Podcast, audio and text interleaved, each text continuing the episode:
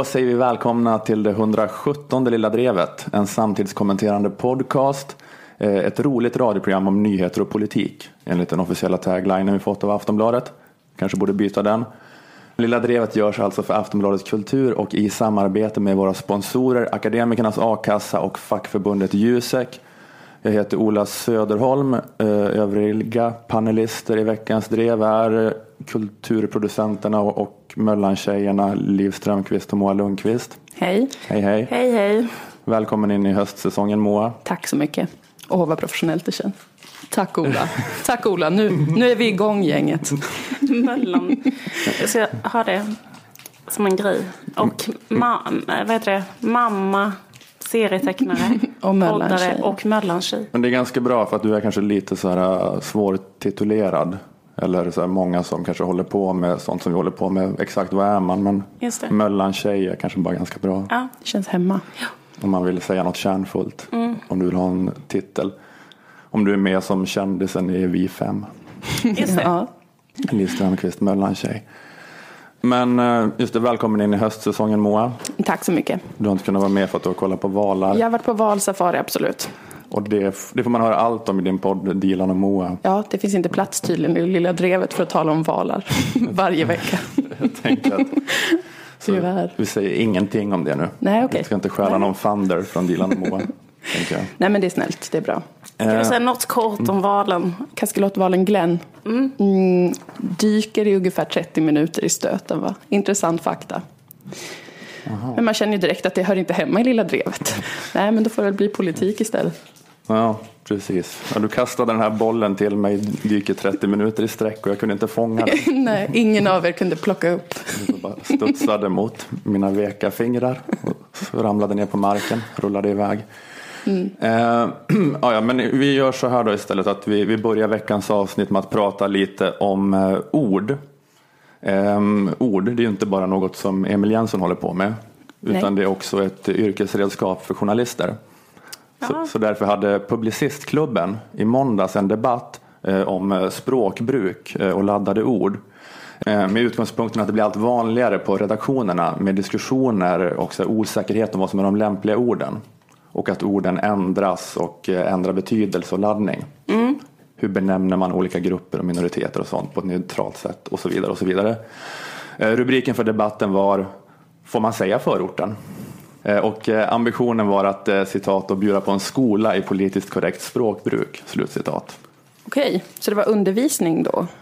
Mer än en diskussion? Ja, och- och det var, det var inte så ett lyckat grepp. Jag såg den här debatten på webb-tv. Alltså just att det skulle vara skola där man berättar om rätt och fel. För att det går inte riktigt att säga alltså det är absolut rätt och fel i det här med språket. Utan det var, det var mycket då så att Publicistklubbens ordförande Björn Häger bara ställde sådana frågor. Han ville ha tydligt facit. Sådär. Får man säga förorten? Och så svarar någon språkvetare, det kan ingen bestämma, men man kan fundera på vad man vill säga om vissa ord är laddade med bagage och skapar otydlighet. Så nej, får man inte säga, får inte säga förorten. Får man säga handikappad då? Det kan ingen bestämma. Det. Så, nej, nej, får man inte säga. Okej, då får väl jag som vitkränkt man tacka för den här debatten då. Bra Ungefär så. sammanfattning, behöver ingen se den. Ja, det är en kort sammanfattning om den timmen. Ah, ja, bra, du gjorde en väldigt bra Björn Hager. Men i P1 Morgon var det ett eh, inslag inför den här debatten där då Björn Häger, eh, Publicistklubbens ordförande, han blev intervjuad tillsammans med en lingvist som heter Mikael Parkvall. Eh, Och Parkvall har skrivit en bok i, i det här ämnet som heter då just laddade ord. Om du skulle ge oss en liten, eh, några exempel på ord som är laddade idag men som inte var det för 10, 15, 20 år sedan. Ehm, ja, då är väl bästa exemplen eh, namn på benämningar på olika etniciteter. Eh, folk med väldigt mörk hud och folk som bor i Nord och Sydamerika exempelvis. Bara för att nämna några. Eller som bor i Lappland. Eller som bor i Lappland. Ja, ett härligt fnittermys de har där, Björn Häger och Mikael Parkvall. Det är så konstigt att de så här vill undvika att säga de kränkande orden. Men när de låter bli att säga orden på det här konstigt insinuanta fnittriga sättet. Det känns som att det bara, bara blev värre än de bara hade sagt orden istället. Eh, folk med väldigt mörk hud. Så konstigt va? Ja, det är ordet för folk med väldigt mörk hud. Vad? Varför gör han så för? Det blir så jävla konstigt. Bara, kan du ge exempel på några laddade ord? Det är en jobbig fråga för att bli så här, tvinga dem att sitta och säga massa... Men jag fattar faktiskt inte heller vilka ord menar. Vad menar de för ord på sy, i Nord och Sydamerika? Indian. Tror jag. Eller? Jag vet inte. Det är kanske jag som avslöjar mig nu. Ja, nu avslöjar tycker du dig som en, en vansinnig rasist, Ola. Det här vidriga ordet mexikan. Är det det de menar? Jag har ingen aning. I alla fall, det var inte det här som eh, jag skulle prata om, utan det var en annan grej i den här P1 Morgon-intervjun eh, om laddade ord som jag tänkte på. Och det var att P1-kvinnan frågade Mikael Parkvall, språkvetaren, vad beror det på att ord som varit neutrala eh, sen går till att bli laddade? Ja, säg det. Det finns ju egentligen inget riktigt svar på det. Det vill säga det, det enkla icke-svaret är ju naturligtvis att tillräckligt många tycker att det är anstötligt. Eh, alltså, viktig princip är ju att ord har inte någon eh, inherent betydelse. De, de finns Inherent. Ja, inneboende. De, finns, de, de har ingen betydelse som finns bortom språkbrukarna. Utan vad de betyder och vilken laddning de har, det är bara någonting som skapas mellan oss språkbrukare. Och då, då följer det ju naturligtvis att de blir känsliga om tillräckligt många av oss tycker att de är känsliga. Men det är ju egentligen inget svar det heller. För varför tycker vi att de är känsliga? Och det, det har inte jag något bra svar på heller. Ja, han har ingen teori om varför vi tycker att vissa ord är känsliga. Eller varför de blir känsliga. Nej. Det är lite konstigt att eh, jag har skrivit en bok. Jag har Skriv en bok om laddade ord. om laddade ord. Jag har inte en tanke om eh, hur det Bara kan ett komma sig att vissa, ord för, att vissa ord för vissa grupper blir känsliga. Jag har ingen tanke om det. Eh, Och jag tycker bara att, liksom att det finns en så självklar anledning till varför vissa ord som beskriver vissa grupper efterhand förvandlas och blir laddade. Och det är väl att de här grupperna är eh, diskriminerade eller underordnade på något vis. Det är väl så du vet att du är diskriminerad. Du vet att du tillhör en diskriminerad grupp om gruppen du tillhör måste byta namn vart 20 år för att det tidigare neutrala namnet eh, har förvandlats till något slags skällsord. Att man för 20 år sedan kanske sa eh, en lapp eller en zigenare eller en färgad och inte nu. Men då under samma period har inte alls laddningen och nyansen förändrats i ordet holländare. Jag säger holländare. Jag. En sån här modern, urban människa. Jag bara bluddrar ut det. Det är inte bara min gamla dumma mormor som är sådär att här kommer holländarna med sitt kattguld. Och man bara sluta mormor, sluta, orkar inte. Holländarna, de stjäl som korpar. Åh mormor, varför kan du inte dö? Det är inte så, utan jag, jag också bara häver ur mig holländare hit och holländare dit. I och för sig, en invändning mot det här som kanske gör då att de här senaste orden eventuellt är bättre eh, och att de inte bara är en del i kedjan av ord som efterhand blir kränkande. Det gör att de här senaste orden kanske oftare är sådana ord som människorna som tillhört gruppen har fått välja själva. Att de kanske har valt samer själva. Jag vet inte riktigt om de gjorde det. Jag tror det. De sa vi vill ha same, men de, de, sa aldrig, vi val, de, de valde aldrig lapp på det viset. Att det kanske är lite så när en så föräldrageneration säger att det var helt neutralt. Det var inte konstigt alls. Alla bara sa så här. Alla sa allting och allt var superduper neutralt. Alla tyckte att det var helt normalt på 70-talet att den bästa tv-underhållningen det var ett, ett Dramatenfyllo med svartsminkat ansikte. Eller att någon stoppade in sockerbitar i munnen som framtänder och pratade så här. Att det kanske är lite så att ni, ni aldrig frågade de berörda om de också tyckte att det var helt neutralt och inte konstigt samt jätte, jätteskoj. Att den invändningen finns ju, att vissa, vissa har mer av en röst idag. Eller att de finns i Sverige överhuvudtaget, många grupper. Ja, men, det, men det är ju en sån eh, invändning som folk kommer med ibland, att eh, fler grupper har en röst idag. Så det är, det är också en eh, hypotes till varför vissa eh, ord eh, har blivit laddade, vissa gamla ord har blivit laddade. Eh, Att de här grupperna börjar kunna säga ifrån och välja själva vad de ska bli kallade. Eh, Å andra sidan har, har de väl också Eh, alltså romer har väl kallat sig zigenare ändå, tror jag väldigt ofta, som det neutrala ordet. Tolkar er tystnad som ett eh, rungande Jo, medhåll. men vad heter det? det um, Katarina Taikons böcker hette väl zigenarflicka och sånt, eller? Just det, Ja. just det. Och jag vet att den så svarta amerikanska rörelsen har ju använt colored people mycket. Det heter National Association of Colored People, fortfarande en av de så här stora intresseorganisationerna. Och även Negro har ju också använt så neutralt av dem själva att man har National Negro Committee eller någonting. Så jag tycker ändå att det har ganska mycket den här liksom tesen med att det bara blir ett skällsord med tiden för att det är, liksom, det är benämningen på den underordnade gruppen. Att det blir som med allting, alltså så här förståndshandikappad till utvecklingsstörd, till funktionsnedsatt, till funktionsvarierad, till normbrytande funktionsvarierad. Eller liksom med lågstatusyrken. Man måste byta namn på dem kontinuerligt. Så att, nu, att man går från piga till städare, till lokalvårdare, till renhållningsingenjör. Men att typ läkare, det kan alltid fortsätta heta läkare. Mm. Av någon anledning. Av någon anledning. Mikael Parkvall har aldrig tänkt på det här. Varför, någon magi. varför har man aldrig behövt byta namn på läkare? Jag tänker I alla fall inte- efter det här Katrin da Costa-fallet jag man får byta namn på läkare. Man ska bara tänka på läkaren varje gång man säger ordet läkare. Ja, men jag tycker det är lite konstigt att aldrig ha funderat på det. Av Mikael Parkvall. Mikael Parkvall verkar vara en jävla sopa. Förlåt. Men varför, eh, hur kan han inte ha en enda teori om det? Att han är så här, varför blev det bara så, eller typ så här, det hade kunnat vara vilket ord som helst. Det hade kunnat vara så här, dörrhandtag, det har alltid hetat det. Eh, Men det skulle kunna bli så imorgon att plötsligt jättemånga människor går samman och tycker att det ska heta någonting annat och, och att det är jättefel att säga dörrhandtag. För att de blir upprörda. Ja, exakt. Det skulle Av bara kunna bara ske. en själ. Bara en känsla. Det är som vädret, typ. Varför ord blir laddade. Har inget att göra med samhället. Nej, nej. Eh, ja, men det är så att grupper i samhället som befinner sig i underläge måste man alltid byta namn på eftersom att förr eller senare kommer deras namn börja betyda underläge. Och man kan inte hålla på och säga att någon är i underläge. Eh, helt okej att eh, de hålls kvar i underläge, man får bara inte säga att de är det. Alltså man måste ju få fortsätta boxa dem i ansiktet, men man måste ju döpa om boxa till smeka, för annars är man rasist. Men sen kan man ju fortsätta boxa dem i ansiktet medan man skriker jag smeker dig, jag smeker dig, jag smeker dig alltid smeka får en negativ laddning, så här, vi säger inte smeka. Hallå, det är 2016. Försök att vara en woke bay här. det är ett smeka, det är ett gammalt kolonialt patriarkalt triggerhatord. Smeka, usch, s-ordet, det säger vi inte. Vi säger kela.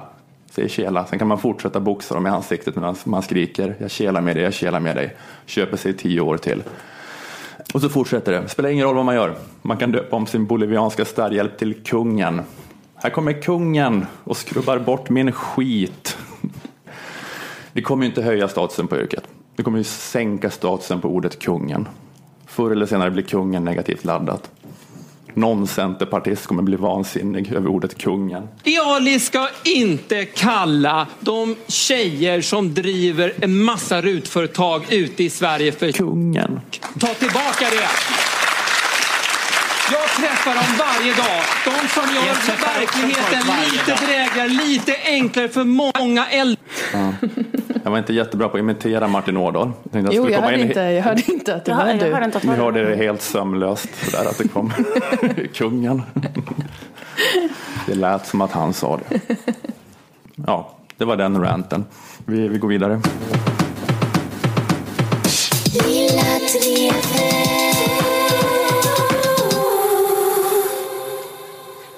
Polisen håller på att omorganiseras. Jag vet inte om ni har hört det. Jag har stått mycket om polisen senaste tiden.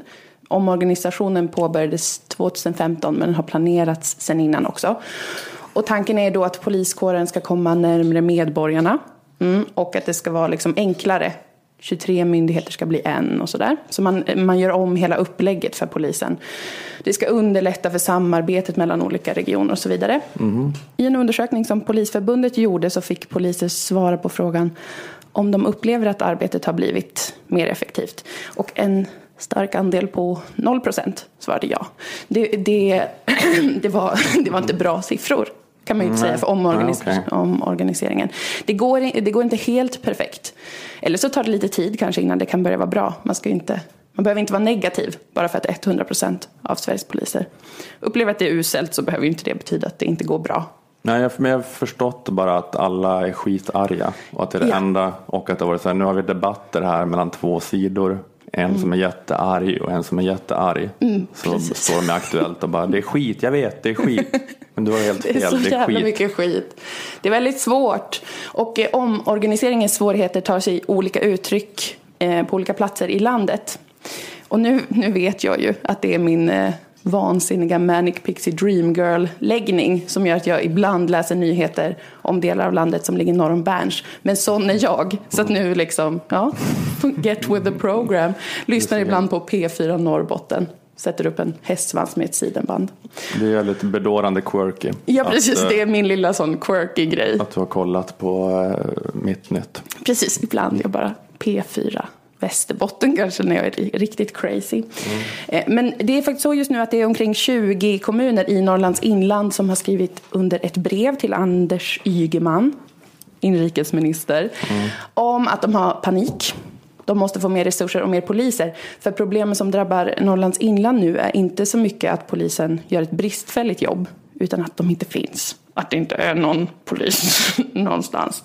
Riktigt. Eh, folk ringer efter polisen. Polisen kan inte komma. Annars så, i södra Sverige så kan ju polisen oftast ändå komma. Gör ett bristfälligt jobb kanske. PGA för lite resurser, ångest och så vidare. Men i eh, Norrlands inland så eh, kan de inte komma för de Jaha. finns inte. Är det laglöst där? Det är laglöst. Det är en eh, Malmö-vänster-utopi som utspelar sig. Men alla är inte När flyttar vi? Man kan bara gå dit och ta saker från folk och inget kommer hända. Skulle, skulle kunna tro det. det är liksom, att se en polis i Norrlands inland är som att se en enhörning. Att det är någonting magiskt som händer, ibland in a full moon. När man är ute i diset så kan man se något som rör sig långt borta och då kan det vara en polis. Men mest troligt så är det ett sagoväsen. Större sannolikhet än att det är en polis. Men- så det är liksom... Mm. Ja. Men alltså inte för att eh, hålla på nu och förstöra deras martyrcase och så, men har det inte alltid varit så med Norrlands inland? Det har, varit, jo, det har ju varit lite så. Det är ju det är avstånden och det där. Men nu har det blivit eh, på den nivån att eh, kommunpolitikerna får in så mycket klagomål och det är kris och medborgare upplever att de är helt eh, skyddslösa. Det har varit fall med skjutningar eh, där polisen inte har kommit, trafikolyckor, polisen har inte kommit. Ehm, Det har varit liksom fall där, där polisen har varit 10 mil bort. Också fall där de har åkt fel, för den nya ledningscentralen har inte riktigt vetat kanske exakt vad något ställe heter eller ligger och sådär. Eh, Så att det får ganska så, så jobbiga konsekvenser kan man ju säga ändå när de inte kommer. Det är lite av ett skräckscenario, ett skräckfilmscenario känner jag personligen. Att man ringer och ringer och polisen säger att de är på väg men att de kommer om fyra timmar för att de är i Lycksele kanske. Det är så jag ser framför mig Det är skräckfilm, det är skräckfilmen Jägarna utan Rolf Lassgård. Exakt, det, det är mörkt. som bara skjuter en kille med Downs syndrom i skogen. Sen händer inget. Det är riktigt Ja, jag tänker inte alls så. Jag tänker mer, jag ser mig själv liggandes i Norrlands inland puffandes på en joint. Om det blir bråk så kommer en 24-årig tjackad kille och räddar en. Rädda mig, rädda mig. Så är min fantasi. Det kanske finns båda världarna där uppe. Men, det, ja, men, men det- att jag, ja, lite sådär har det alltid, tycker jag, har snackats om Norrlands inland. Jag kommer då från Norrlands kusttrakter. Men att Ja, jag med. alla som Vi lever var... lite mer fancy. Ja, exakt. Att, eh, att, man, eh, att det, det var ju en annan nivå av vildmark där. Om man åkte längre inåt landet. Men att, Mm. Men att alla som kom från typ Överkalix pratade om det. Att det finns en polis där och han Mm. så här, eh, knackar på. Håller ni på med hembränt här? Får jag köpa? Att det bara var, Mm. Och så skrattar alla. skrattar alla. Att det var en sån stämning. Alltså, Så har det varit tidigare, för då har det funnits en polis. Ja. Men nu är, det, nu är det den enda polisen eh, måste jobba någon annanstans kanske. Så det, det, har varit, eh, det har varit ganska jobbigt för folk ändå. För att många ändå vill att det ska finnas i alla fall en inom en radie på 50 mil som skulle kunna komma om någon försöker skjuta en eller dylikt. Mm. Men, men samtidigt så är det väldigt svårt för människor, eh, främst i södra Sverige, kanske att ta de här problemen på allvar. Dels för att man har sina egna problem med polisen här, andra problem, tar sig andra uttryck och så vidare. Eh, men också för att all nyhetsrapportering från och om Norrlands inland är för stereotyp eh, väldigt ofta. Och väldigt gulligt rolig. Det är svårt att känna den politiska kampen brinna när man ser ett eh, lokalt nyhetsinslag. Tyvärr skulle jag vilja säga. Jag har identifierat det här för jag har följt också rapporteringen, som jag gör. Otroligt charmant. Och det finns liksom tusentals exempel på när man vill höra vad som sägs, men man är för eh, fnittrig och glad och lycklig åt den roliga sketchen som utspelar sig. Det är ett stort problem. Det är ett stort problem. Jag har exempel från det här och det är till exempel när eh, kommunalrådet i Strömsund Göran Bergström, han diskuterade polisbristen i Norrlands inland i Aktuellt med biträdande polischef för Region Nord, Mikael Sell Lindahl, i Aktuellt. Det är ett allvarligt problem, det är någonting som folk som bor i inlandet liksom upplever är jobbigt. Jag vet detta när jag ser det. Men han är klädd som en alvkonung i en vacker jackett med en en fin ljusgrön krage. Det är vackert, det är en komplimang. Mm. Jag menar bara att vissa saker stjäl fokus från det verkliga problemet. Och när polischefen då berättar om varför det har blivit lite så här med omorganiseringen så reagerar han på, ett, eh, på det här sättet. Begriper du någonting av vad Mikael säger? Och jag har känt honom sedan 80-talet som polis. Jag är ju själv polis, tjänstledig poliskommissarie. Jag begriper knappt någonting av vad han pratar om. Det är ärligt. Göran, Göran säger bara sanningen. Eh, men, men det är ändå för stereotypt en norrländsk gubbe. Tyvärr, tyvärr, tyvärr. Eh, det är liksom ja, men att han också har varit kommissarie och att de, han har känt honom sen, sen 80-talet. Han har sett Mikael växa upp för fan. Alla i södra Sverige hör ju bara skämtet att alla i Norrlands inland känner varandra sen 1800-talet och mm. att alla har haft alla jobb som finns där. Lika med det blir svårt att höra vad, vad samhällsproblemet som diskuteras här. Det är nästan, nästan, nästan omöjligt. Ja, och det här är det problemet jag har identifierat med varför Norrlands inlands kris inte får samma utrymme riktigt. Ja. Just det här är Mikael, han är våran, här i Vilhelmina är han våran poliskommissarie, snedstreck hembrännare, snedstreck, rektor på skolan. Kille. Vi har sett grabben växa upp och Eh, nästan varje nyhetsinslag om, om sådana här stora samhällsproblem som finns i Norrlands inland blir lite som en rolig sketch. För människor i söder då, självklart. Jag tycker inte att det här är kul. För mig, jag skulle aldrig skratta på något sätt åt något sånt här. Självklart mm. inte. Eh, men om man hör till exempel ett vittnesmål från en person här om poliskrisen, en man från inlandet, vi kan lyssna på vad han säger. Det vore väl jävligt fattigt samhälle om inte vi skulle kunna ringa efter och få hit en polis när vi har fångat två stycken rattfyllerister. Är det ett krav som är för högt och stort, då vet jag fan vad det är för samhälle vi har. Valid, valid point. Men tyvärr så är det alla i södra Sverige hör bara en, en karikatyr av en norrländsk man som Mm. Kanske rider på en älg och fångar rattfyllerister. Med ett lasso antagligen, tänker folk. Ser framför sig det, skrattar, lutar sig tillbaka, går därifrån. Och av den här anledningen så är det ju viktigt att människor i södra Sverige lär sig identifiera eh, vad det egentligen är som pågår i de här nyhetsinslagen. Vi måste kunna identifiera vad är samhällsproblemet i den här otroligt roliga sketchen som man just har hört. Där man har liksom skrattat och skrattat och eh, börjat skriva på en sketch som man kanske ska skicka in till Partaj eller något annat. Eh, om den här lasso-gubben på en älg. Mm. Men, men, men det är som att det har skett något brott i Mumindalen eller ungefär. Precis. Det är så man relaterar till det. Precis, alla tror att det är ett avsnitt av Pistvakt. Men så får man också känslan av att de reder sig väldigt bra själva. Att det här är mm. verkligen en trav som inte behöver poliskår. Får jag känslan av när jag hör det. Han har fångat två eh, rattfyllerister själv. Exakt. Från en skoter. Det är ju det man hör, men samtidigt det han säger är att det är ju ett jävla dåligt samhälle va om han ska behöva fånga dem och sen kommer ja. inte polisen. Nej. Men exakt, man hamnar där varje gång. Man hamnar där man tänker, han klarar sig själv. Han har sitt eh, lasso eller svärd eller vad han har, tänker man. Det, det, är logiskt att vi reagerar så, men därför måste vi också öva. Vi som bor i södra Sverige måste öva på att identifiera samhällsproblem i nyhetsrapportering från Norrlands inland. Eh, det kan man göra på olika sätt. Jag har skrivit ett övningsexempel, så ni som lyssnar kan försöka höra vad som är samhällsproblemet i den här rubriken. Det är en fejkad rubrik, men hade antagligen kunnat vara helt verklig. Grannpojken Lennart Skotersson såg en man bli knivhuggen när han matade älg. Polisen kom aldrig. Jo, det var väl själva fan, kommenterar Lennart. Lennart. vad, är, vad har vi för samhällsproblem här? Nu får alla fundera riktigt noggrant. För jag vet att alla ser framför sig den roliga sketchen. En äldre man, han matar en älg. Har han en relation till den, frågar man sig. Gillar han klövdjur på vilket sätt? Och så vidare. Mm. Eh, vad typiskt norrländskt.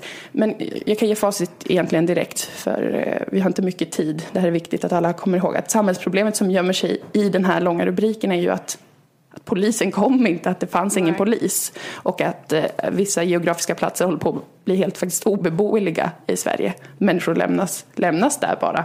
Eh, och det kunde man ju inte tro att det var problemet när man hörde den roliga rubriken som fick en att liksom skratta och le och som sagt skriva på ett manus. En riktigt rolig sketchserie kanske om Norrlands inland. Mm.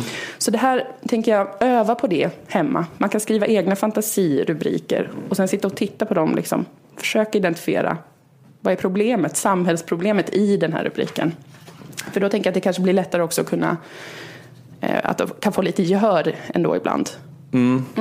Man måste förstå att de är riktiga människor också. Precis. Att det inte bara är det är liksom inte bara så Lennart Jäkel som springer runt och skriker och skjuter polska bärplockare och bara Och även om det var Lennart Jäkel bara, ska inte han få hjälp då när han blir skjuten i benet? Ja, lite politisk poäng sådär som man kan få in.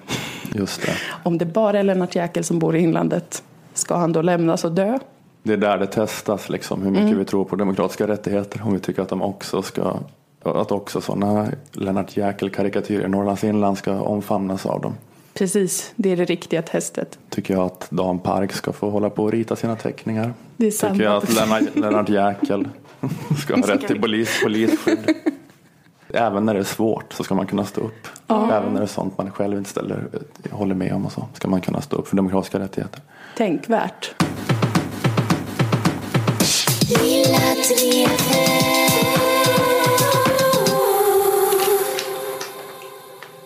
Nu har vi kommit fram till den delen av podden då vi berättar om våra sponsorer. Det är en hård värld där utanför, full av ensamma människor.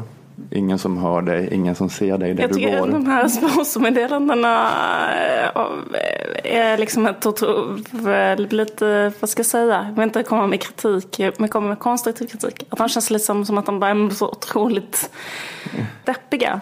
Vad ska man göra åt de här ensamma människorna? Ska man göra en sång för alla dem? Eller organisera dem? Det hade kanske Mauros bror, LO-ekonomen Sandro föreslagit. Det vet vi inte. Eh, Men gör världen lite mindre kall och ogästvänlig genom att skaffa dig trygghet på arbetsmarknaden med hjälp av våra sponsorer, Akademikernas a-kassa och fackförbundet Jusek. Att vara med i Akademikernas a-kassa kostar 100 kronor i månaden och då får du tillgång till inkomstförsäkringen a-kassa vilket ger dig upp till 20 000 kronor i månaden om du skulle befinna dig mellan jobb. Förutom a-kassan ska du vara med i facket, då, till exempel Jusek. Eh, gå med i facket kids. Eh, och eh, Jusek är inte bara för jurister, det är en vanlig trist fördom. Två tredjedelar av alla som är med i Jusek är inte jurister. Du ska även vara med om du är samhällsvetare, ekonom, kommunikatör eller jobbar inom HR och IT. En viktig anledning till att gå med i Jusek är då den förbättrade inkomstförsäkringen. Att a-kassan ger den här grundplåten, men de flesta som jobbar i branscher som, som organiseras av Jusek tjänar ju mer än a-kassetaket, ofta betydligt mer. Så det kan bli ett så stort inkomstbortfall om man förlorar jobbet. Men om du är med i fackförbundet Jusek och tar del av deras inkomstförsäkring så är du skyddad ända upp till 80 000 kronor. Du får 80 procent av lönen upp till 80 000. Så du kan klara alla villalånen och ungarnas hockeyskydd. Massa, massa hockeyskydd har du råd med. Eh, att vara med i Akademikernas och Jusek kostar 351 kronor sammanlagt. Är du redan Akademikernas medlem lägger du alltså bara till 251 kronor för att också vara med i facket. Eh, också i skolstartstider vill vi tipsa om att eh, alla som pluggar något som leder till en examen i en Jusek-bransch, de kan bli studentmedlemmar i Jusek. Och det kostar bara 100 kronor som en engångssumma. Och då är du medlem hela studietiden. Eh, och i eh, medlemskapet ingår en prenumeration på Juseks tidning Karriär och du får tillgång till Juseks medlemsrådgivning. Du får svar på frågor om studier, vägen till första jobbet, frågor du kan ha om extrajobb och sommarjobb under studietiden. Och du får eh, förmåner som rabatt på studielitteratur. OSV, OSV. Läs mer på jusek.se. Bara 100 kronor som en engångssumma. Låter billigt. Så har du tagit steget och gått med i Akademikernas och snedstreck eller Jusek tack vare den här podden får du gärna berätta om det i sociala medier under hashtag Lilla Drevet. Du kan också gärna skriva det i din ansökan. Tack Akademikernas och tack Jusek.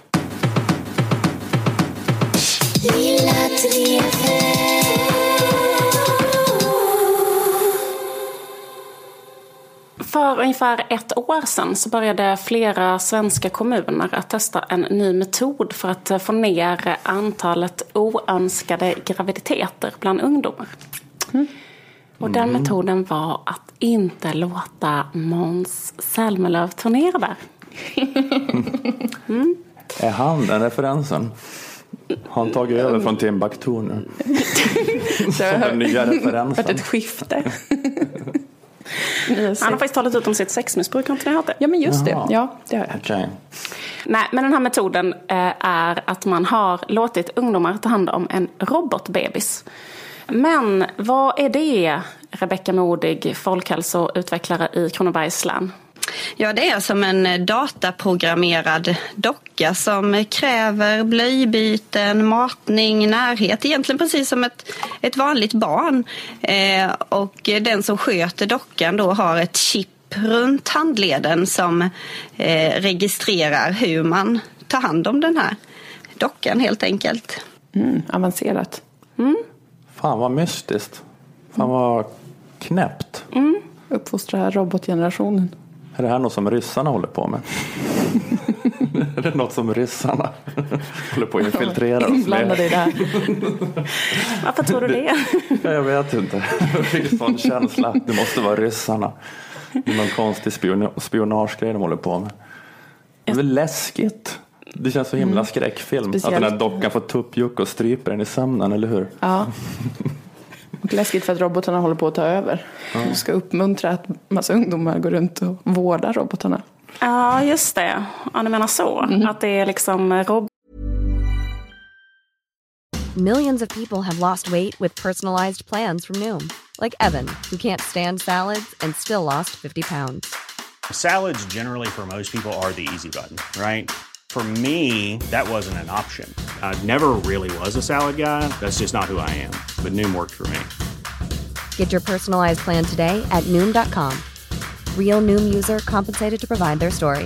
In four weeks, the typical Noom user can expect to lose one to two pounds per week. Individual results may vary. robotarnas första sätt att ta över. Att de Skickar ut sina eh, bebisar, sina små. Infiltrera unga tonårsföräldrars alla familjer. unga, äh, unga, liksom den nya generationen ska inte bli rädd för robotar utan de, Ska älska de dem. älskar dem. Så att när de kommer sen att ta över så är de så här, ja, min son. Blir de bara stolta och glada när robotarna tar över och förslavar oss. Så kan det vara. Jag tänkte mest att det var så jävla stört, eller att det känns så jävla stört och förvirrat som, eh, eh, eh, vad ska man säga, eh, oönskad graviditets... Eh, Preventions- prevention. ja. För att, och det är ju också mycket riktigt liksom importerat från USA. Eh, I USA är det en ganska vanlig grej att göra. Jag tycker faktiskt också att man har sett det. Har inte ni sett det vid Beverly Hills och sånt? Är inte det alltid ett avsnitt när de ska ta hand om en sån här robotbebis? Mm. Fanns det den på Beverly Hills? Ja, men jag tycker alltså? liksom att det, när man ser på så amerikanska då är det liksom ofta... Eh, ja, ni känner inte igen det här? Nej, Jag känner igen att jag- ha jag- ett ägg som man ska ta hand om. Men det är ju Ja, det var en sån eh, övning på hemkun- eller livskunskapen heter det Ja. kanske som man hade på högstadiet. att vårda ett, ett ägg så det inte knäcks. Jaha, fick ni göra det? Mm. Hur som helst, jag har inte fått göra det. Ja, Eh, men det känns, jag håller med att det känns lite kristet. Det känns ju kristet. Och eh, det är ju då för att, eh, eller jag menar det är ju det är lite konstigt därför att om, om man, eh, det är liksom en metod som på något sätt är utarbetad i, i, i ett samhälle där abort är väldigt kontroversiellt, eller hur? För att annars så löser man ju oönskad eh, tonårsgraviditet med abort, eller hur? Ja. Och mycket riktigt redan när det här projektet sjösattes så fick det kritik, bland annat då eh, från RFSU som, eh, som, eh, som gick ut och sa liksom då att eh, det finns ett sätt som är det vetenskapligt beprövade mest effektiva sättet att få ner antalet oönskade graviditeter. Enligt forskning så är det att bara ge ungdomar gratis preventivmedel. I kommuner, det är typ två kommuner i Sverige nu, där man har alla slags preventivmedel gratis. Och där är det då mycket lägre oönskade tonårsgraviditeter. Och nu i veckan så publicerade SvD också en artikel om ny internationell forskning som visar att just den här robotbebismetoden för att få ner antalet oönskade graviditeter är jättedålig. Tonåringar blir inte alls mindre benägna att tillhöra oskyddat samlag av att ta hand om en robotbebis. Snarare tvärtom tydligen. Så det är alltså en jättedålig och ineffektiv metod. Har, har det ökat graviditeten alltså? Eller ungas graviditeter? Ja, det till, till och med på de ställen de har haft robotbebisar så har det till och med ökat graviditeterna. Men Det är som, eh, det är som tjejernas eh, motsvarighet till filmen Stockholmsnatt. ja, Att den skulle lära alla oss eh, 70-80-talistkillar att det var fel med våld. Paolo Roberto skulle lära oss att det var fel med våld genom att demonstrera hur man gör svincoola roundkicks. och att man blir tuffast på ko- skolan och får snyggaste tjejen om man är bra på att göra roundkicks. Så att det hade lite då motsatt effekt. ja, jag tänker att det är så här, en sån bild som vuxna har av tonåringar. Att de är så här sexgalningar som inte tänker på skyddet. Alltså, så egentligen är ungdomar bara så här jätteledsna och deprimerade, så vilsna i kosmos och typ blir jätteglada när de får ta hand om en robot. De är inte sådana japanska pensionärer som blir skitglada när de får en sån kattrobot. Typ så är ungdomar idag. Just det, men jag fick en känsla av mening. Så att då tog de bort min känsla av mening och då var jag tvungen att skaffa ett riktigt barn. Eh, Att det är så det blir. Kanske. Eller så är det bara att där man har gjort de här eh, robotbebisprojekten kanske är ställen där folk ändå blir tonårsgravida. Bla, bla, bla, bla. Poängen jag ville komma fram till var bara att det, var, att det, att det inte funkar som metod enligt vetenskap.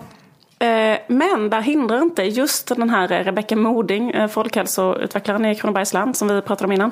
Eh, det hindrar inte henne från att hålla fast vid den här metoden. Hon säger då i den här artikeln i Svenska Dagbladet i veckan att regionen tänker fortsätta med det här projektet.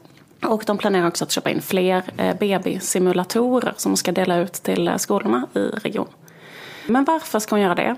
Istället för att då bara dela ut gratis preventivmedel som har visat sig mest effektivt. Ja, ett nyckelord eh, är väl eh, ordet Kronobergs län kanske. Är- Bibelbältet. Ja, precis. Att det är Småland. Det är väl det, eller? Man tänker att det kan vara att det är kanske någon sån kristen grupp i botten. Att, eh, det måste även, ju även om de inte är så många i Sverige så har det finns ju massa exempel på att de har haft jättestort inflytande för att de är så aktiva och Ja. ivriga i liksom sin verksamhet. Jo, men det här känns ju ändå som att eh, de vill inte dela ut gratis preventivmedel till ungdomar. För att de inte vill att ungdomar ska ha sex, tänker jag då. De tänker att det uppmuntrar till det. Precis, det brukar väl vara den idén. Och hellre så vill de göra det här. Men då tänkte jag så här. Om det är det, att de vill få ungdomar att vänta med sex. Finns det inte då bättre metoder än att låna ut just en robotbebis? Jag tänker att det skulle vara bättre om de liksom lånade ut en robot som liksom gav ungdomar en negativ upplevelse av sex. Alltså en dålig sexrobot. Ett riktigt dåligt ligg. Om de skulle ha en dålig sexrobot som alla ungdomar i Kronobergs län fick som läxa att låna hem. Skulle inte det vara en bra metod om alla tjejer, jag tänker så här, alla tjejer i Kronobergs län skulle få låna en sån killrobot under en helg. Så att man skulle så här, plocka ur dem den idén att de ska bli sexuellt aktiva. Och är det kanske drömmer om att ha en kille. Men så skulle den vara också programmerad. Den skulle vara programmerad till att väcka en jättemånga gånger per natt genom att ligga och gnida sitt stånd mot dem. Så här. Ni vet hur det är att vara ihop med en tonårskille. Ola och Moa. Ni har jättehög igenkänning på det här. Jag önskar, jag önskar jag hade blivit så bekräftad i tonåren. Jag blev väckt sex gånger per natt. Som någon När gned man sig är- emot mig. När man är tonåring och ihop med en tonårskille då är det ju så här att man blir väckt väldigt många gånger per natt av att någon trycker sitt stånd så här, kanske mot ens höft. Eller så. Roboten ska vara programmerad till att trycka ett sånt robotstånd mot ens ländrygg. Och då måste de här tjejerna i Kronobergs län vara tvungna att vakna eller halvsovande gå upp och runka av den här roboten. Så... Chip i handen också de är länkade så eh, det blir liksom att de har skött roboten dåligt om de inte har runkat av den sex gånger per natt. Eller något sånt där. De måste, eller något sätt, på något sätt måste de få den här roboten att komma. För att den ska kunna somna om. Annars fortsätter den att vara vaken. Och den kanske gör något sånt jobbigt ljud. Den tjatar hela natten. Okej. Kom igen. Ja, ja. Varför är du så svår? Eller något sånt där kan den säga. Kom igen för fan. Jag tänkte att kanske en dålig sexrobot mer skulle vara en så här dålig tjej. Att, uh... Ja, men det skulle vara så lätt att konstruera då en sån dålig tjejsexrobot. att det är bara någon som bara ligger helt still, inte tar något initiativ, inte kommunicerar, bara dömer en tyst. Och sen så en sån robot som- och, så, och sen eh, ritar en serie om en. Om hur, hur, hur värdelösa killar är i sängen. En sån, en sån dålig sexrobot skulle kunna... ja, det skulle killarna kunna ha. Det här handlar om heterosexuella då eftersom det handlar om eh, barnprevention. Så det är inte för att jag är heteronormativ utan det är för att det handlar specifikt om den gruppen. Ja men det är en jättebra idé Ola, vad bra att du kommer in på det. Den roboten får, får vad heter det, den serieritande dömande roboten. På killarna, heterokillarna. Tjejerna fortsätter med den här roboten, killroboten. Var var jag någonstans? Man måste husfridsrunka av en robot kanske åtta gånger per natt. Eh, därför att det är så det var- är att vara ihop med en tonårskille och det är därför det är bättre att vänta med sex, lär man då de här tjejerna.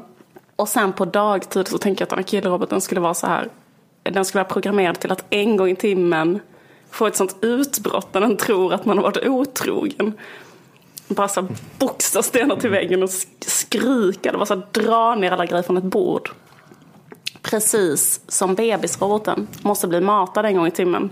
Så måste den här killroboten en gång i timmen bli liksom så här försäkrad om att man bara är kompis med Stefan. Jag är bara kompis med min pianolärare. Måste man berätta för roboten. Jag är bara, jag är bara kompis med den här expediten Killroboten blir inte försäkrad av det. Skriker, slår sönder grejer. Varje gång man går förbi en kille, vilken som helst, så ska den här robotdockan vara programmerad till att få ett sånt utbrott. Mm. Där den skriker. Sluta ljuga om att du inte ville knulla med min pappa när vi träffade honom. Eller något sånt. Men det verkar, ja, Ehm, det verkar superobehagligt att ha en sån robot hemma som är fysiskt starkare än en själv och eh, hela tiden är så här våldsam verkar det som. Eller verkar vara på väg att kunna lappa till den. Ja, men I det jätteviktiga arbetet att få ner antalet oönskade tonårsgraviditeter, det. då måste vi vidta de här åtgärderna. Den skulle kunna ha också sådana förprogrammerade föreläsningar om vissa ämnen, typ så här, hasch är inte skadligt för hjärnan. Den skulle kunna ha en sån programmering som man fick lyssna på. Hur som helst. Om eh, folkhälsoutvecklaren i Kronobergs län skulle göra det här, då tror jag att, den, att de skulle kunna uppnå det resultatet som de drömmer om. Och att det skulle låta så här när de berättade om sina resultat i P1 Morgon. Ja, faktiskt från allra första början så tänkte vi att äh, men två dygn kan de nog ta hand om den här dockan. Men det var många elever som faktiskt inte orkade med helt enkelt. Så att äh, många lämnade tillbaka efter, efter ett dygn. För natten tyckte de var ju otroligt tuff. Det var någon som beskrev att de hade varit uppe tio gånger på, på natten för att ta hand om den här.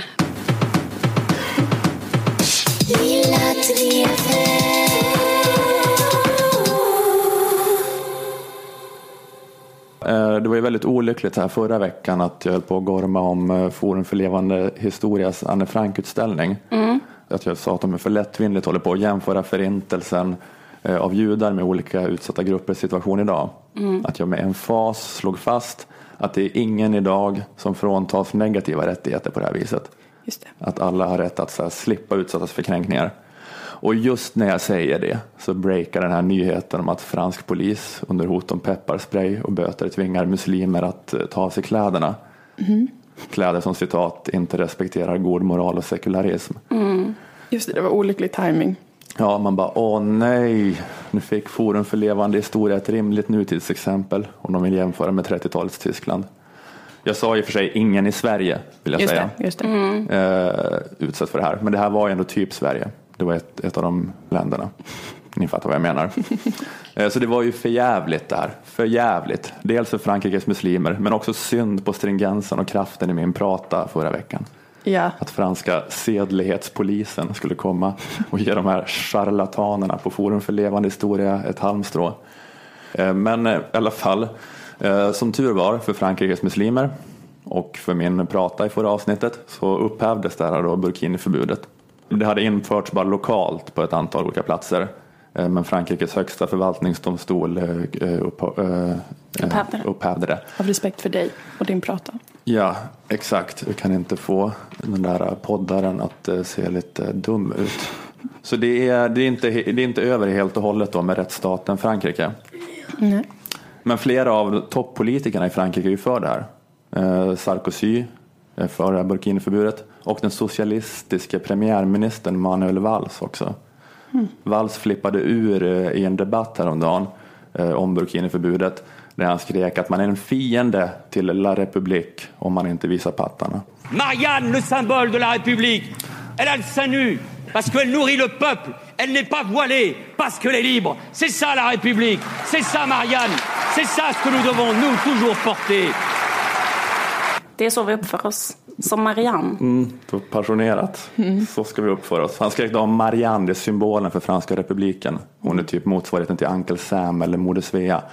Och Marianne brukar avbildas med blottade bröst ibland. Just det, hon är som en sån... ehm, Friheten på barrikaderna, den tavlan. Ja. Kanske ni har sett. I alla fall, det Valls eh, skrek i det här klippet, eh, som jag har förstått det var Marianne, symbolen för republiken. Hon har nakna bröst för hon ammar oss. Hon är inte täckt för hon är fri.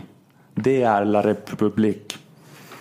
På riktigt? Att det var så han sa? Ja, Jaha, älskar amning. så, eller amning eller utfodrar oss eller sånt där. Men hon visar brösten för att hon liksom fidar oss.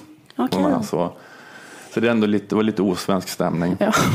Jag tror det är landets liksom näst högst uppsatte sossepolitiker. Mm. Skulle jag gissa det här. Och det är ju ändå, Anders Ygeman brukar ju inte- ha så mustigt bildspråk. Nej. Nej. Eh, Men det är, eh, man kan ju känna att det är verkligen hur IS har lyckats med sina terrordåd. Här, att det här är den här spaningen som exakt alla har gjort. Så att jag, jag fattar att jag inte är eh, unik eller smart för att jag säger det här. Men att det är den här typen av reaktioner är ju exakt vad då IS vill. Öka polariseringen. Eh, Men eh, att det blir så himla övertydligt exempel på hur man har mindfuckat Frankrike. Alltså att man har mindfuckat dem så mycket att man, liksom, man har gått från att tänka att sekularism det är separationen mellan stat och kyrka till att tro att sekularismen på något magiskt vis bara finns i pattar. Att det enda man ska göra det är bara att slita upp blusen, kyssa bröstet och sen dia i sig den söta goda sekularismen. Men det är svårt. Det är svårt med sekularism. Det måste vara på exakt lagom nivå. Det är så här svinobehagligt om det är för lite, jätteobehagligt om det är lite för mycket. Det handlar väldigt mycket om att vara bra på att dosera. Det, blir, det, är som någon, det är som någon krydda som är svår att använda. Mm. Jag har ingen bra liknelse. Salt. Det är som salt. Superdåligt, superdåligt exempel. Sekularism är livets salt. Men det är väl som... Fruktansvärt eh, äckligt med för lite och för mycket. Ja, men apropå eh, det här, eh, då, eh, den här typen av debatter så är Yasri Khan tillbaka. Jaha. Kommer ni ihåg honom, miljöpartisten? Jo, jo. Handskakningsgate. Va? Han gjort en politisk comeback så snabbt? Han, han har väl inte något politiskt uppdrag, men jag tror att han har en så ganska god framtid som en bara SVT Debatt-person och sådär. Ja, ja, men det skulle han nog kunna jobba Men att han på. kan vara med i SVT Debatt nu varje avsnitt ända till sin pension. Det kan han nog i och för sig. Eh, Men, eh, jo, men han är tillbaka för det pågår någon debatt eh, om en muslimsk friskola i Vällingby som Fridolin har hotat med att ta i med hårdhandskarna mot. Alltså. Och Yasri Khan har då skrivit någon debattartikel nu om att han tycker att det är SD-feminism som han kallar det. Att vara emot en skola Eh, bara för att de håller på med könsseparatism som grundar sig i sexualisering av småflickor. Eh, Skitsamma, jag tänkte inte prata om det här. Eh, jag tänkte bara på en sak angående Yasri Khan när jag kom att tänka på honom igen, för jag har inte tänkt på honom ett tag. Att det som hände i våras, var det inte lite rasistiskt det drevet mot Yasri Khan? Att den svenska offentligheten plötsligt får för sig att nu ska vi kollektivt markera mot islamism, då är det mot en thailändsk muslim. Tänkte ni på det? Nej. Innan dess kunde det bara pågå. Åh, nu har vi en här i vår partisgrupp som vill ha dödsstraff för ateistiska bloggare, bränna alla kristna levande, flå alla kvinnor som har kört bil eller haft mens. Hade, vad hade han sån? Så var det ungefär. Och då var alla så här, borde vi säga ifrån? Nej, jag vågar inte. De är så myndiga och stränga och som pondus, de här arabiska männen. Och så var det plötsligt en dag någon som sa, men vänta den här, det, det är ju en, det är en lite försynt thailändare. Som pratar lite fladdrigt och blygt, försöker ha ett muslimskt helskägg, men det ser ut som att han har limmat fast 16 garnbitar. Påhopp. Nu, nu är det fullt blås. Nu ska vi markera. Plötsligt. Var inte det för jävla rasistiskt? Att det var bara då alla plötsligt skulle tycka att det var så jävla viktigt att vara emot politisk islam. Det är ett nytt ljus. det är ett nytt ljus över det här nu, Ola. Ja. De pratar lite så här. Eh, eh, jo, alltså okej, eh, avrätta artistiska bloggare. Saudiarabien, eh, det, det är en stat. Okej, vi tar det från början. Det är en stat. Och, så, och, så, och då, då vågade alla plötsligt. När det var en sån. Ja. Ja, det var rasistiskt. Det var rasism. Det Man måste ju våga, man måste ju våga, nej för då jag är bara budbäraren. Jag bara sagt att jag tycker att det är så rasistiskt att inte våga stå upp mot de superläskiga araberna också. Det är ditt enda, det är din enda infallsvinkel. OK. Rasism, rasism, rasism, rasism. Fruktansvärt mycket gränslös rasism.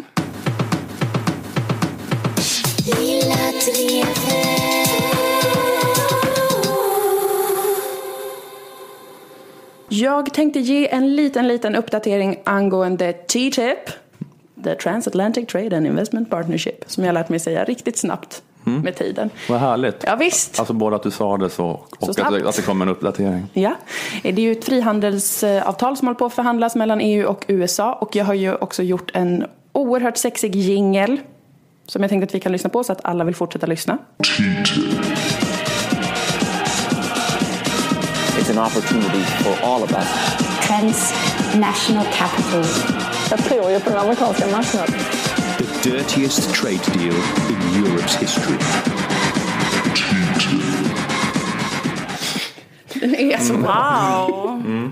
Jag känner nästan att jag borde Vem bli är det som DJ. säger jag tror på den amerikanska marknaden? Det är någon sån eh, svensk näringslivstjej tror jag. Ja. Eh, under sommaren så har vinden vänt för TTIP. På grund av min starka lobbyism mot TTIP skulle jag chansa på. Men det är oklart än. Det har i alla fall blivit så att många har blivit skeptiska, även på hög politisk nivå. Ministrar i Frankrike och Tyskland dömer ut det här som dött, som att det inte kommer bli av.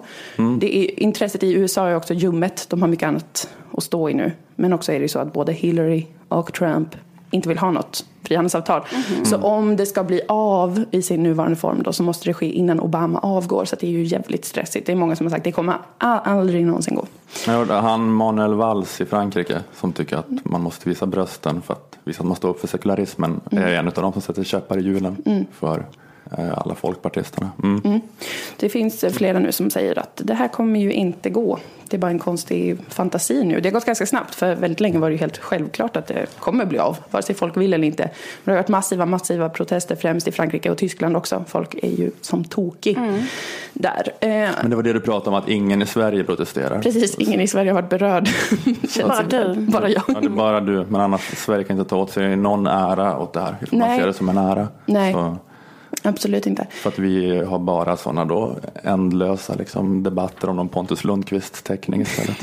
Men eh, det stämmer verkligen med att det verkar vara, för jag träffade bara en tysk, en random tysk man i eh, kanske 60-årsåldern och eh, han började direkt diskutera TTIP med mig. Då tänkte jag så här, hmm, det stämmer verkligen att alla tyskar, vi kan ta bara vilken tysk som helst, Mm. så en råinsatt i TTIP. De kan allt. De kan, de, han, han kunde allt och De har planerat för jätte, jättestora demonstrationer och protester inför september när det ska hållas fler förhandlingar. Så att det är redan supermånga tusen personer som håller på att förbereda stora aktioner. De gör sådana skojiga aktioner med någon trojansk häst som åker in med dokument i sig eller något sånt symboliskt.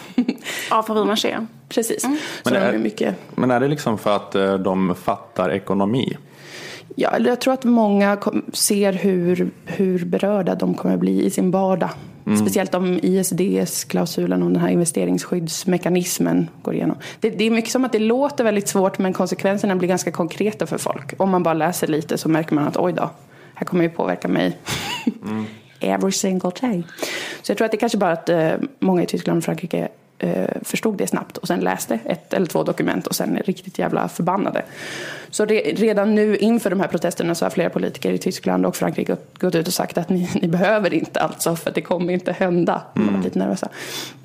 Så det är jättemycket tvivel nu på om den ska bli av. Alla är nästan redo att ge upp. Inte alla. Två personer i Sverige är fortfarande oerhört inställda på att det här kommer hända och det är Ann Linde, socialdemokrat, och Cecilia Malmström, självklart, Sveriges EU-kommissionär. De lever i något slags, i en fantasivärld där det här inte når in. De vill inte. De vill inte tro på att det skulle kunna vara så att TTIP inte blir av. Men det, det är för att de är då eh, svenskar och de är liksom så vana vid att leva då i den här nationen utav barn. Som bara kan ha politiska debatter om Pontus Lundqvist teckningar. Ska man ut i Europa så finns det en vänster som har lärt sig något om ekonomi. Som har googlat "Åh, ISDS." Det går, inte, det går inte att arbeta här.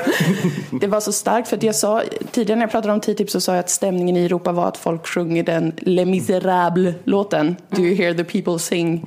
Sen så skickade en lyssnare till Lilla Drevet ett klipp där människor på riktigt sjunger den låten för Cecilia Malmström. De har tagit sig in på ett möte och reser sig upp och sjunger Do you hear the people sing?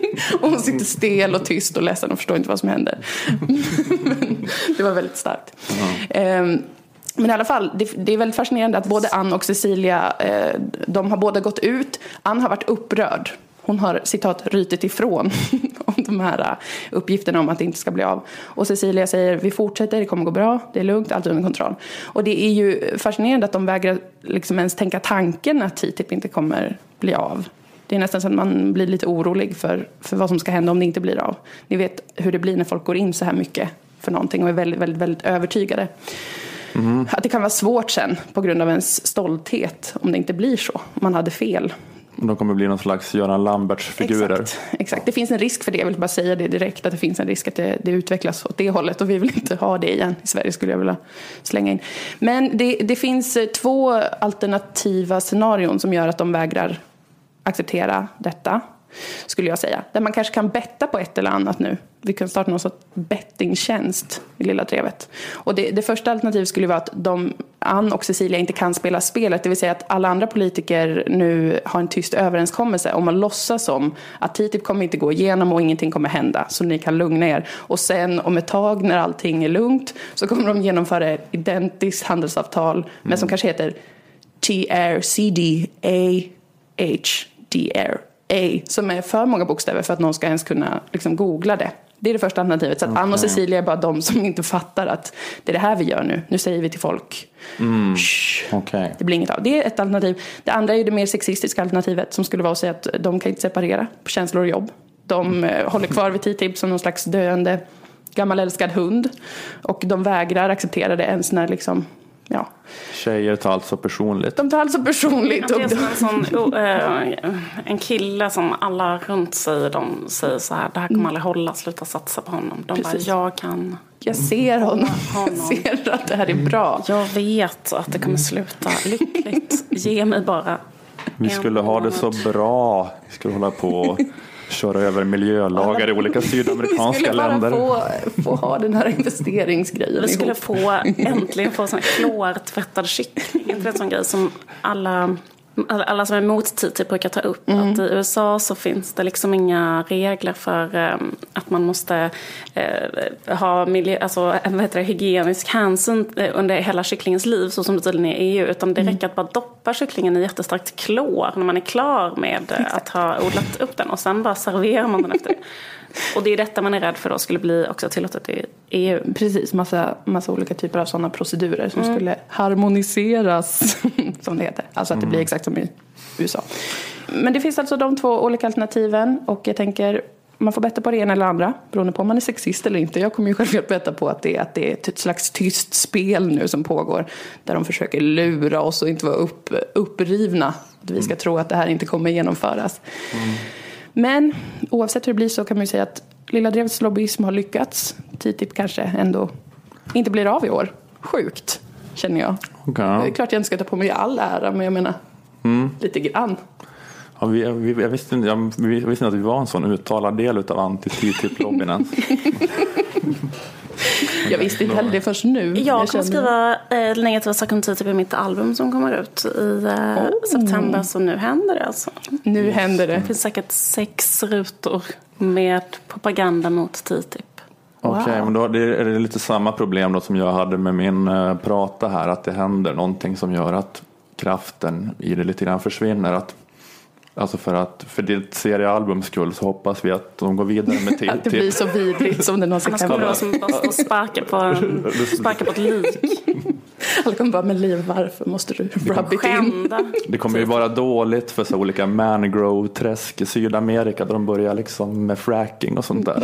Ifall TTIP går igenom. Men eh, det är ju ändå det, ja, det är bättre för ditt seriealbum. Mm. Så att eh, man, Så det man får väga för och nackdelar. Att det blir några procent mindre edgy Livs album. Sen så några indianfolk får sina jaktmarker förstörda. Det är, Det är också, andra vågskålen får. Sydamerika, men det är väl lätt att de kommer göra fracking i Skåne, jag tror Ja, de gör fracking. Ja. Lite varstans där det kan Man gå. tror alltid att det kommer handla om Sydamerika, men den här gången. Ja men så är det ju, alltså att USA har ju blivit, tycker att det är så bra att de har blivit självförsörjande nästan, eller mer och mer självförsörjande på olja så att de slipper hålla på och vara i knät på massa Mellanösternstater. Men då håller de på och frackar sönder hela USA, alltså på ett helt så Det blir ett tokigt stort slukhål till Ja. slut. ja men det är väl det som blir lite en vändpunkt kanske, att det vad fan, nu drabbar det vita människor här plötsligt mitt i USA. Så då blir ju folk, det är väl kanske, ja, då blir folk tokiga på riktigt. Mm. Ja. Mm, en liten uppdatering.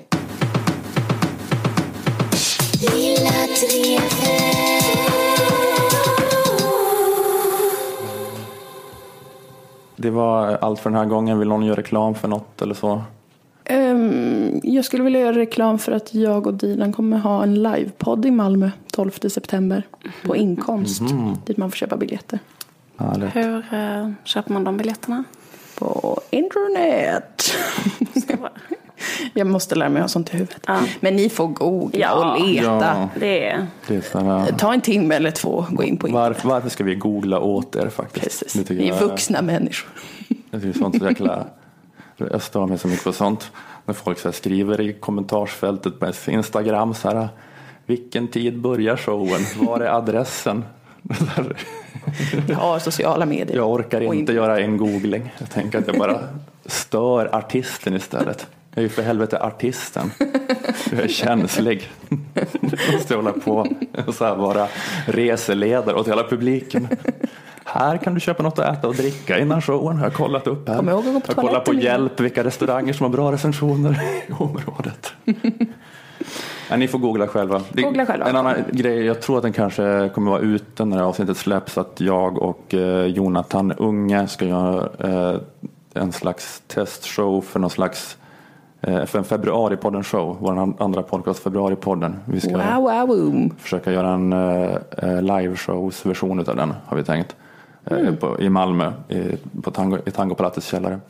Det kommer att finnas på, på Biletto, eh, biljetter. Okej, eh, tack eh, Aftonbladet Kultur, tack Akademikernas A-kassa, tack fackförbundet Jusek. Jag heter Ola Söderholm, ni heter Liv Strömqvist och Moa Lundqvist. Vi hörs igen om en vecka. Hej då. Hej då.